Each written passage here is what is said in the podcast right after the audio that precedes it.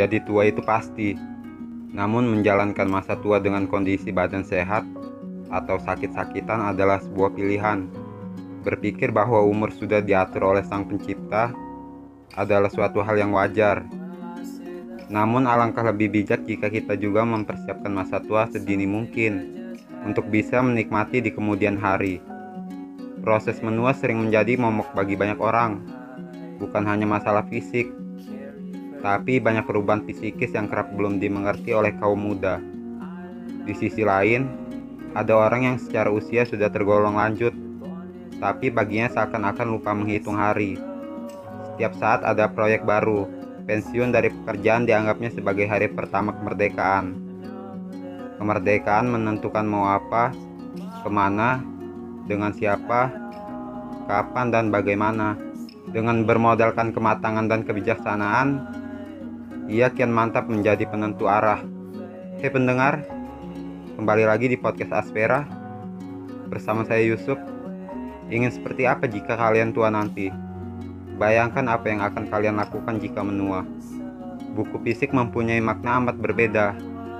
Sesuatu yang bisa disentuh, bahkan bau kertas buku menghadirkan nuansa kebanggaan. Masa silam sebagai citra manusia dengan kapasitas otak tidak setengah-setengah semua orang pasti sepakat jika waktu lebih berharga dibandingkan intan dan permata. Apa sebabnya? Jika intan ataupun permata hilang, maka dapat dicari gantinya. Namun, ketika waktu hilang atau terlewatkan, maka sampai ke ujung dunia pun tidak akan bertemu dengan gantinya. Oleh sebab itu, tidak heran jika banyak orang yang telah lanjut usia merasa menyesal atas waktu yang telah berlalu. Apa yang kamu pikirkan tentang sebuah hari tua? Di hari ketika raga kita semakin tak berdaya, ketika kulit kita mulai kendur, wajah kita tak setampan dan secantik di kala muda lagi. Otak pun tak lagi tajam dalam berpikir. Perlahan, kita pun kehilangan memori ingatan kita. Hari-hari ketika kita semakin mendekati ketidakberdayaan, hari-hari ketika tak ada lagi yang bisa kita sombongkan. Sebelum akhirnya, kita pun musnah benar-benar tiada dari panggung kehidupan dunia yang sementara ini. Hari-hari ketika kita semakin bijak memaknai kehidupan yang coba kita abadikan dalam goresan tulisan sebagai warisan abadi untuk anak turun kita. Saat pagi tadi, hati saya menangis ketika saya menyaksikan seorang perempuan tua di hari tuanya. Dia yang tidak bisa baca tulis sejak lahir, di usianya yang semakin renta, dia masih harus bekerja sangat keras, membanting tulang, hanya sekedar untuk bertahan hidup. Konon, cerita sedih di hari tua di negeri yang konon tingkat kemakmurannya tinggi di atas bumi ini adalah cerita biasa. Semoga kita ditakdirkan memiliki hari tua yang indah. Menjadi tua adalah suatu kepastian dan tak bisa ditolak manusia paling kuat sekalipun di muka bumi ini. Menjadi tua bukanlah sebuah hukuman, apalagi kutukan. Sebaliknya itu adalah anugerah yang diberikan Sang Pencipta untuk diisi dengan berbagai kegiatan bermanfaat. Apalagi banyak orang hebat yang menjadi sosok panutan yang tetap bisa berkarya di saat usianya sudah tidak muda. Sebut saja Plato yang hidup sampai usia 80 tahun, banyak melahirkan pemikiran hebat ketika usianya sudah senja. Dalam sekejap kita mulai memasuki masa menuju tua, dan dalam sekejap nanti kita akan berada di pusara. Itu pasti, segala yang mereka ucapkan dan lakukan yang dulu begitu salah di matamu akan menjadi sepenuhnya benar. Namun, kebahagiaan di hari tua itu juga dipengaruhi oleh beberapa faktor, di antaranya pasangan. Ketika raga sudah terlalu tua untuk berlari, saat semua mimpi masa muda telah terpenuhi, yang kita inginkan hanyalah rekan menghabiskan hari tua, membangun percakapan tanpa bosan, tertawa sampai napas tersenggal-senggal, menenangkan satu sama lain hingga ajal menjelang. Suatu hari kita akan menjadi tua. Saya akan menungguimu di kursi favoritku sambil memilah-milah puisi masa mudaku yang kebanyakan kutulis untukmu. Saya masih dengan senyumanmu meracikan teh untukku.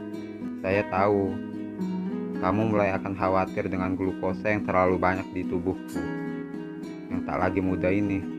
Tapi kamu juga tahu Selain kamu, saya tak bisa tersenyum tanpa minum teh. Ini cerita tentang masa tua, duduk seorang pria tua yang sedang melinting tembakau di tangannya, yang diambil dari kebun belakang rumah. Ia sedang menikmati sore hari dengan secangkir teh di atas meja.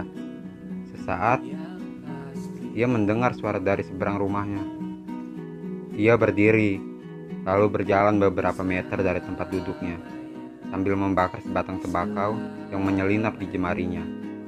Ia melihat ke arah seseorang yang sedang berbincang, lalu terdengar nyaring suara tawanya.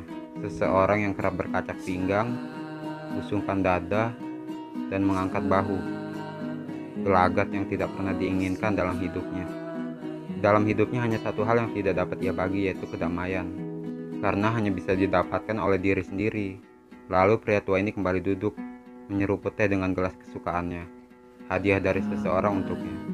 Setelah itu ia kembali menaruh gelas ke tempatnya, mengambil buku yang berada di atas meja, Buku ini telah ia simpan selama hampir 25 tahun dengan judul bukunya Bumi dan Bulan. Belum sempat ia membaca kembali buku itu, seorang wanita tua menghampirinya lalu bertanya. Katanya, buku apa yang sedang kau pegang itu pak? Sepertinya sangat usang sekali. Pria tua itu menengok ke arah suara itu. Lalu dia menjawab, Oh, ini buku sudah saya simpan lama. Mungkin kau belum mengetahuinya apa isi dan yang terhimpun di dalamnya. Wanita tua itu terheran mulai bertanya-tanya. Katanya, boleh kau bacakan sedikit lebih keras, agar aku dapat mendengarnya juga. Sang pria tua itu tersenyum lalu berkata, katanya, sini kau duduk di dekatku. Duhai rembulan, akan saya bacakan semuanya. Kau akan mengetahuinya sebelum aku mendapatkan dan segala yang kuhimpun selama ini. Arah jalan yang dituju dan perasaan yang tak hilang oleh waktu. Saat kamu mulai sering lupa, saya akan selalu setia mengingatkanmu bagaimana dulu kita pertama bertemu. Karena semua itu tersimpan rapi di tulisan-tulisanku. Tenanglah, bukan cuma masa lalu saja. Aku masih punya kejutan-kejutan untukmu, meski usiaku sudah tak semuda dulu. Ah, tapi sekarang ada lembaran tulisan yang masih kucari. Tulisan tentang bagaimana akhirnya kita bisa tinggal bersama hingga tua di rumah ini. Apakah kamu masih menyimpannya untuk dikenal sampai selamanya? Kita akan dihabiskan oleh waktu yang memanggil, oleh jalan Tuhan yang akan datang itu pasti. Oke guys, sampai jumpa lagi di episode selanjutnya.